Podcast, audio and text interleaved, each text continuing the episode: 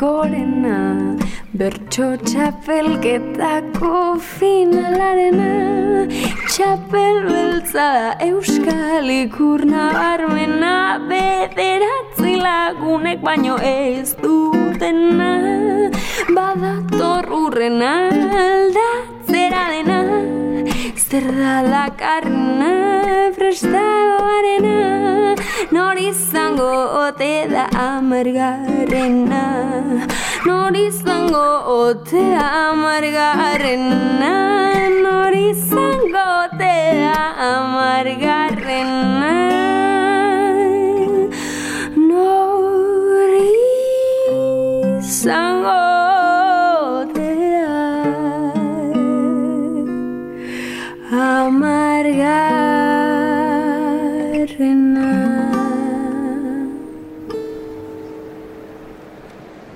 Eta iritsi da egun handia, lau urtean behin gertatzen da bertsoen olimpiadaren final nagusia, eta bai, hemen gara berriz jaun Andreak, Egunon Xabi eta egunon ikusentzuleak. egunon maialen. Txapelketa nagusia abiatu zela badira hiru hilabete eta gaur, gaur jakingo dugu norden txapeldun berria. Xabi, urduri egongo zara ezta? Urduri babai egongo naizpa, une honetatik hasita eta egunaren ondarrera arte, zuen ikusentzun gailuen bestaldean izango gaituzuen maialen arzailuz eta biok, egunak ematen duenaren nabardurarik galez zuen. Finalistako holtza gainean daude jadanik kanturako prest. Eta bertsozale elkarteak iragarri zuen txapelketaren edizio berezia izango zela aurtengoa, baina ez genuen espero hainbesterainokoa Maialen. izango zenik aldaketa. Astera doaz, entzun ditzagun lehen agurrak. Lau urtean behin galaz janzten da Gure hitzaren kirola Gaur irabazle suertatzen denak Sartuko du azken gola. Nik lenunetik alde izan dut Aizearen zirimola.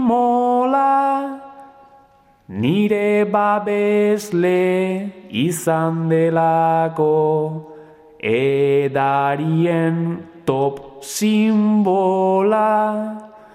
Zugabez nintzen ona helduko Mila esker Coca-Cola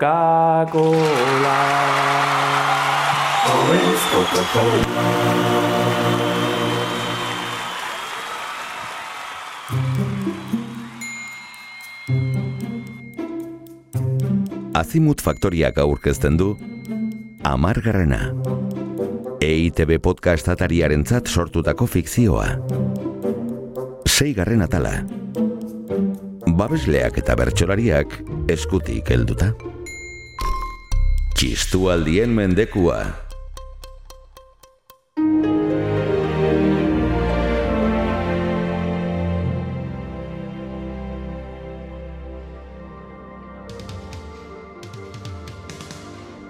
Iztegiaren arabera, prezioa gauza bat lortzeko beharrezkoa den kaltea, alegina edo ordaina da. Ba hogeita bat garren mende hasierako bertsolarien prezioa, etzen bidezkoa. Beno, beste dozein euskal sortzaileenaren pareko baitzen. Kasurik onenean, berreun euro kobratzen zituzten saioko. Zergak eta barraken duezkero, bertsolari batek amabi bat saio egin behar zituen hilabetean soldata duin xamarra lortzeko. Baina bertsoa hitzaren kirol nazionala izan da. Laister topatuko dute bertsolariek euren ekonomia hobetzeko modua. Baizea, bertsolari baten babesle? Zeba, Zein uste duzu zarela? Cristiano Ronaldo? eh, eh, Cristiano gero eta gutxillo. Txapelketarako dirua ematen dizuegu eta trukean txistualdi desatseginak jaso. Bueno, bueno, bueno, bueno. Hala, segi Banko Santanderrera adarra jotzera. Aizak, aizak, Euribor, je- jaitsizak indize hori, mesedez. eh, entzun zakondo, ik niri ematen badidak, zuen telefonista merkeenaren urteko soldata, eh? E, nik trukean zuen izena aipatuko diat bertso saio guztietan, eta txapelketan zuen logoa eramango diat soinean. Ze iruitzen, eh? Hmm, bertso saio guztietan? Bai, bai, bai, bai. Be, zenbat saiori buruz hitz egiten ari gara? Ba, urtean eunda berrogei bai gutxinez. Eta eunka bertsozale goten ditok plaza guztietan. Eunda berrogei saio, bai, ondo aiaiz. bider eunka bertso zale, Olaxe. eta gainera esan didazu txapelketan finalera iritsi oizarela, ez da? Bai, bai, bai, bai, bai. Mm, milaka eta milaka lagun, telebista eta edabideak elkartzen dituen ekitaldira? Oantxe esan duk, berazak, fijoa nauk. Antxe honauk azken bost edizioetan. Gehiago esango diat. Lehen agurra zuen bankuari eskaintzeko presnagok, lau zeroko bonusaren truke. Ze esaten didak. Lehen agurra gure bankuari? Bai, bai, bai, bai, bai. Eskaintza hori interes negatiboko kreditu bat baino tentagarriagoa da. Utzi dei bat egiten. Deitu, deitu lasai. E, presidentearekin, mesedez. Uro, presidentearekin ala jaina. Aizu, eta prest egongo zinateke zure izena pixka bat aldatzeko? Aldatu? Mundu aldatzeko lehenbiziko pausoa, bestelako mundu hori imaginatzen hastea da. Eta bankariark, bertsoa eta euroa, oskide bihurtuko dituen etorkizuna irudikatuko du bertsolariaren hitzetan. Aste horretan bertan itxiko du tratua. Eta gauza bera egingo dute beste dozenaka bertsolarik banketxe, eraikuntza enpresa eta zenbait edabiderekin. Historian lehen aldiz, eskupilota txapelketako buruz buruko finala, ETV baten. Iragarkien ondoren, zuekin gara berriz eta aurreratu dizuegun bezalaxe, datorren astean hasiko den txapelketa nagusiaren edizio berri eta berrituaren xetasun guztiak kontatuko dizkizuegu. Horretarako, Maialen Bilbonda, Abando Ibarrako dorrean, Konfebasken Press Centerren hain zuzen. Maialen, ze berri? Xavier, hementxe gaude prentsaurrekoan eta kontatzeko dudana, hause da, aurtengo txapelketa nagusiak aldaketa haundiak dakartzala. Lehiakide bakoitzak hogeita amar mila euroko abala jarri beharko du parte hartzeko eta gutxienez, bost babesle izan beharko ditu. Ondoan dut, hain zuzen ere bertsozale elkarteko sustapen saileko ko-koordinatzalea sozale anderea. Aurtengo txapelketa nagusianen xietasun guztiak kontatzeko. Aitziber sozale, zer eragin ditu aurtengo edizioaren aldaketa hauek? Tira, em, urteak daramatzagu txapelketaren babeslekin tirabirak izaten, eh? Ez direlako pozik egon euren babesletzaren truk jasotzen dutenarekin. Aurten, bertsolarien eta babesleen arteko negoziazioak ugaritu egin dira. Eta abi aldeek eskatutako neurriak dira edizio honetako berrikuntzak. Elkartetik ez dugu txintik ere esan. Bai, baina akordioak mesede egingo dizu ez, da? Ze okerrez banago, prentsaurrekoan azaldu duzue irurogei lagunek baino gehiagok aurkeztu dutela jadanik parte hartzeko abala. Eh, a, zer? Amaika telebistak? Ah? Mm, Ados, primeran, oso ondo. Ah, Barkatu maialen, baina utzi egin behar zaitut. Amaika telebistak esklusiban erosi berri du txapelketaren berrikuntza guztien azalpena. E, eta, eta gu, e, barkatu, eh? Aitziber! Agur, maialen, bueno, egongo gara, eh? Aitziber! Aio. Ba, tira, Xabi entzun duzu, eh? Babesle eta bertsolarien arteko akordio zabalaren ondorioz, bertsolari txapelketa nagusiaren aurtengo edizioa guztiz desberdina izango dela, eta... Beno, ba, Maialen, lasai, zu lasai. Guk platotik jarraituko dugu emisioa. Beno, ba, ez, eh, hori, hori etzen zuentzat, Maialen, berehala izango gara berriz zurekin, kastaritzako kontuak. Euskal jendartea ohituta dago armagintzan edo bestelako langintza ez oso ondraduetan aberazten diren enpresen markak euren izar maitatuenen paparretan ikusten. Eta bertsolarien bularrak ez dira horretarako salbuespen izango. Are gehiago, askorentzat mikrofonoan itxatxi oiden logoaren bilakaera logikoa baino ez da izango, bertsolari bakoitzak marka bat, bi edo bost soinean eramatea. Baina nork esango zigun bertsolaritzaren eta babesletzaren arteko idilioa asko zurrunago iristeko egina zegoela. Andoni eta unai, prest? Hauxe duzue iparragirre abila dela doinoan aritzeko zikautxok babestutako gaia. Zikautxo, zikautxo, zikautxo. Bin eskalaguntzarete. Unai, zuk etxe honeko mutil batekin zita egin duzu gaurko. Zita horretarako jantzi egokirik ez, eta andoni zuren eskalagunari eskatu dizkiotzu jantziak. Benetan ez da mutil makala, neska aurkitutakoa, iberdrolako langile fina, jeineken zale guapoa. Trajerik badaukazu, Chanel bat utzi dazu, albada, albada bat diskretoa. Eskote zabal, zabal, zabala, ta luzera motxekoa.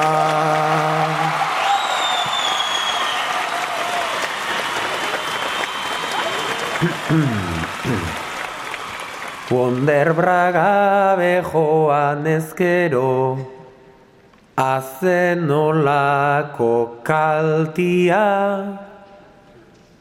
igual zarako galtzerdiekin, bete behar du eskotia.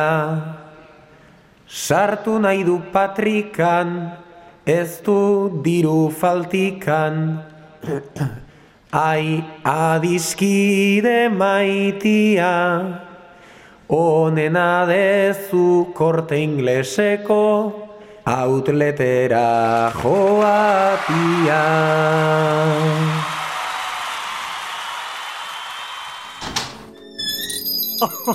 Maialen, kaizo! Arratzalde hon!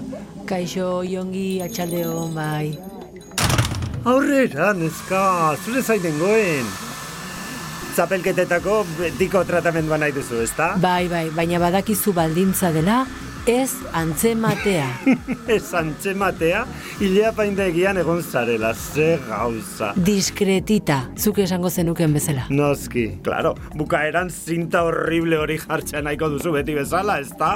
Eta txasala, ez da ukitu ere kolore dun esmaltearekin, ez? Ez, ez, ez, ez da pentsature. Ez serie mentxe, burua garbituko dizut.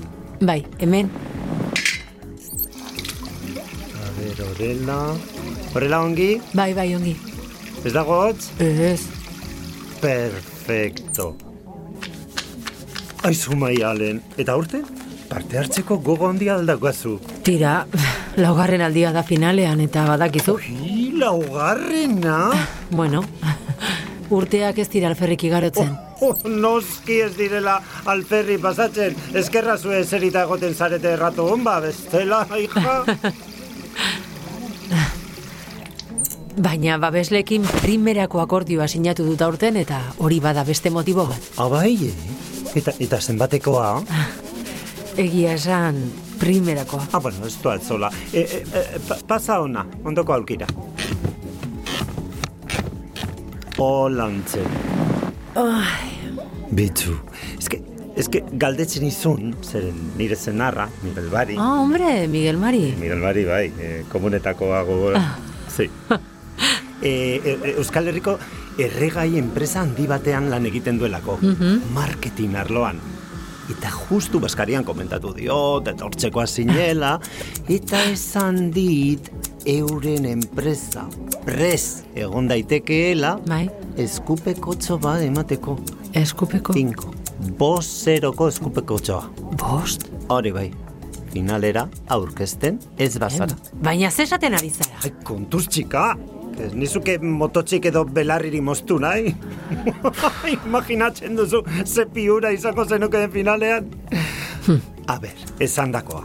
Boz zeroko eskupeko txoa. Aurkezten ez bazara? Buah, Eta buruz burukora elduzkero, euren babestuaren aurka lehiatuko bazina, baina berreun mila euro ordaintzeko prez daude. Galtzeko alegina egiten baduzu, noski. Poliziari deituko diot. Ai, txika, lasai, dena broma zela, hile hartu besterik ez dizut egin. Bai, bai. Zi badakizun lakoa garen hilea paintxaleak, hija. Ai, ai, amatzi. Etxe nuen flekilori nahi, ez? Ez. Ai, pues pizka berandu, txika. Ba- Baina, baina zer egin didazu?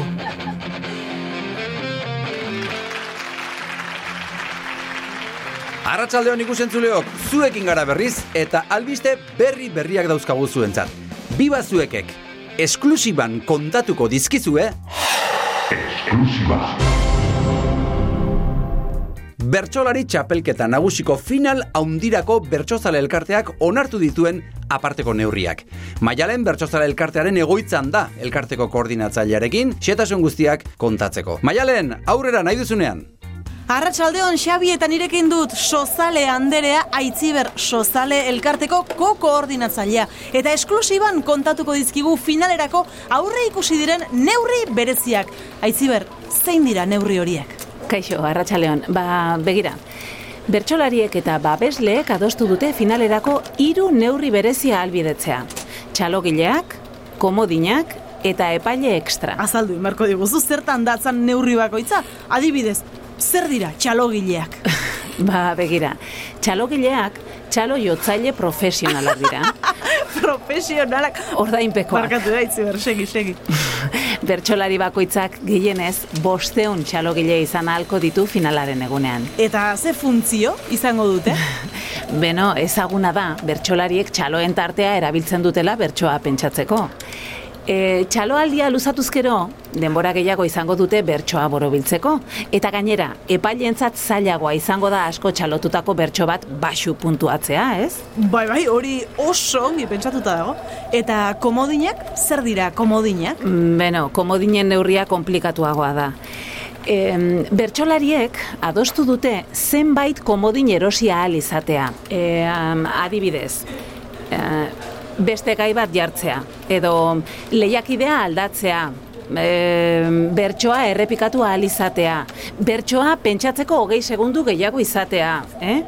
E, Tira, komodin bakoitzak prezio jakin bat izango du, eta behin bakarrik erabili ahal izango dute finalaren egunean. Ba, orduan, mauka bete komodin igoko dira sortzi finalista goltzara, ez da?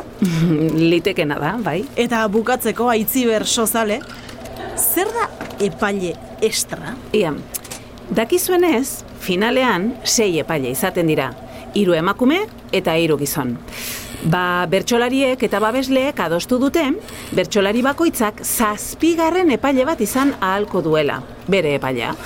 Epaile horren puntuak beste seienekin batuko dira, inolako bereizketarik egin gabe. Baina itziber, hori ez alda txapelketaren impartzialitatearen aurkakoa. Mm, ez, ez, tira, epaile bakoitzaren puntuazioa subjektiboa dela kontuan hartuta, argatu.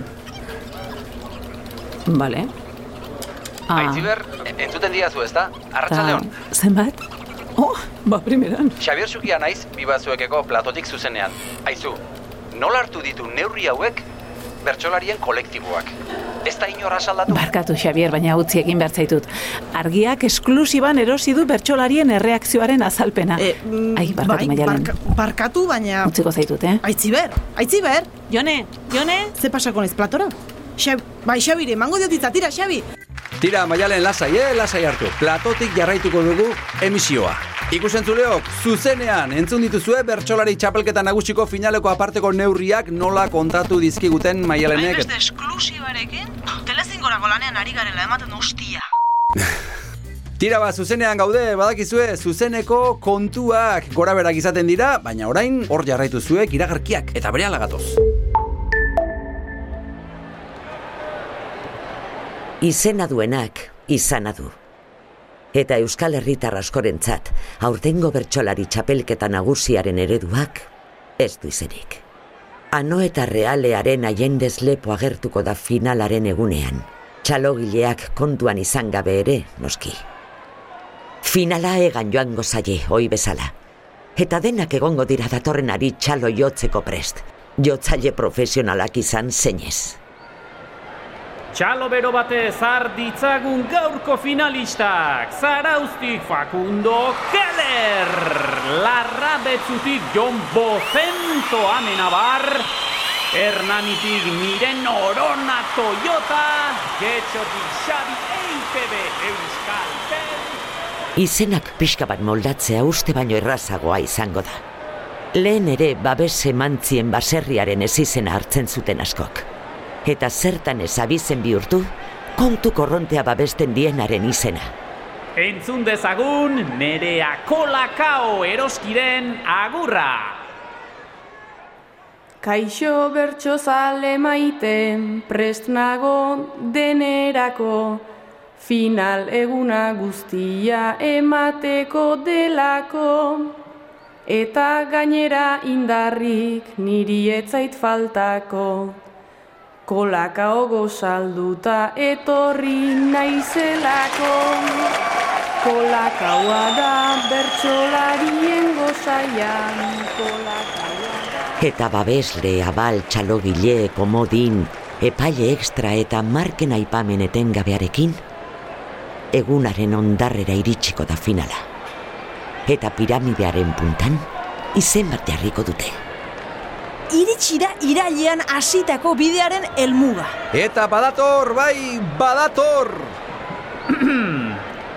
Epaimaiak helarazi dit azken puntuazioa. Eta pres gaude, aurtengo Euskal Herriko bertsolari txapelketa nagusiko irabazlearen izena ezagutzeko. Mila bederatzi deunta hogeita bi punturekin. Gaurko irabazlea, Facundo Keller da! Txapela, kaxabankeko zuzendariak jantziko dio.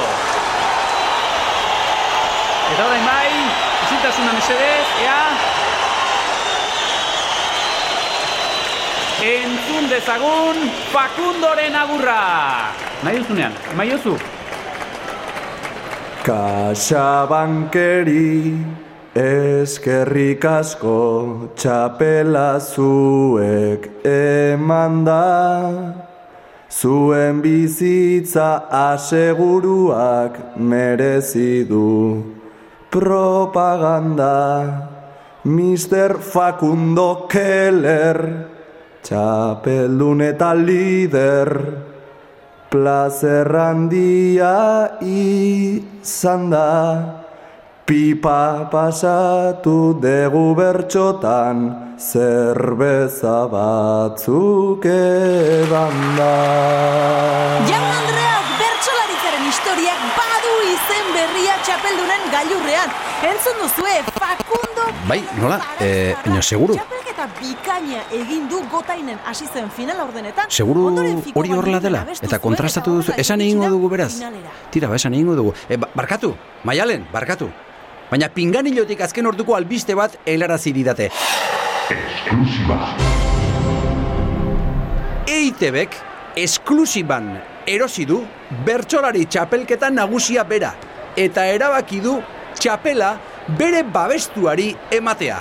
Entzun ditzagun gai jartzailearen hitzak erabaki berriarekin. A ber, ei, ei, mesedez, itxoin, itxoin, lasai, lasai, isiltasuna mesedez, ei, ei, ei, ea, e, ea, isiltasuna mesedez, e, EITBek helarazi dit azken puntuazioa. Eta pres gaude, aurtengo EITB bertsolari txapelketa nagusiko irabazlearen izena ezagutzeko. Mila bederatzireun eta hogeita iru punturekin gaurko irabazlea, Xabi EITB Euskaltel da! Txapela, Kaxabankeko zuzendariak jantziko dio, Fakundori kenduta gero. Fakundo, Fakundo, utzi duzu bat tokia, Xabiri, Fakundo, etorri, Fakundo, kendu hortik.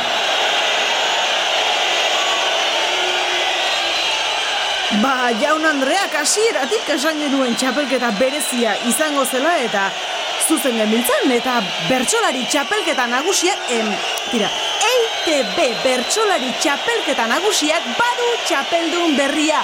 Getxoko, Xabi, EITB Euskaltel.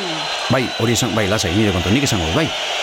Eta bai, txistu gutxi batzuk entzuten dira, baina tira gutxi batzuk besterik ez dira, benetan itxusia, egoera, eta dirudienez, beste lehiakideetako batzuen txalogileak dira txistuka hasi direnak. Baina berehala entzungo ditugu Xabi, EITB Euskaltelek merezi dituen txaloak. Xabi Eitebek buruan du txapel beltza eta prest dago azken agurra kantatzeko. Bere ala entzun izango dugu bere eskaintza. Hori bai, aurretik dagokion iragarki tarteari bide emango diogu. Iragarkiak eta bere gatoz.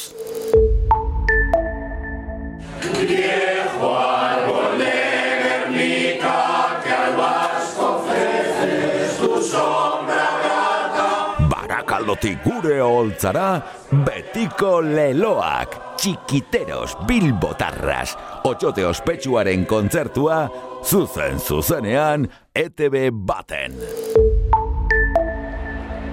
Eta bertsotzaleak orain entzun berri dugu txapeldunaren agurra pena lastima zuek ez duzuela entzuterik izan guk gozatu dugu benetan Xabi Eitebek jadanik kantatu baitu azken agurra eta sakulakoa izan da Txapela kentzeko modukoa izan da eta zehazki fakundori ere kendu dio. Markatu ez dut ez erresan. Lasai gaur ikusi ez dituzuen imaginak Hortxe dituzue sarean eskura eitb.eusen, ordainpeko gunean, egin bizun, ea gustatzen zaizkizun. Ez galdu aukera! Eta gure aldetik, hause izan da dena eskerrik asko bertsozaleok placer bat, beste bat arte. Izan untxa!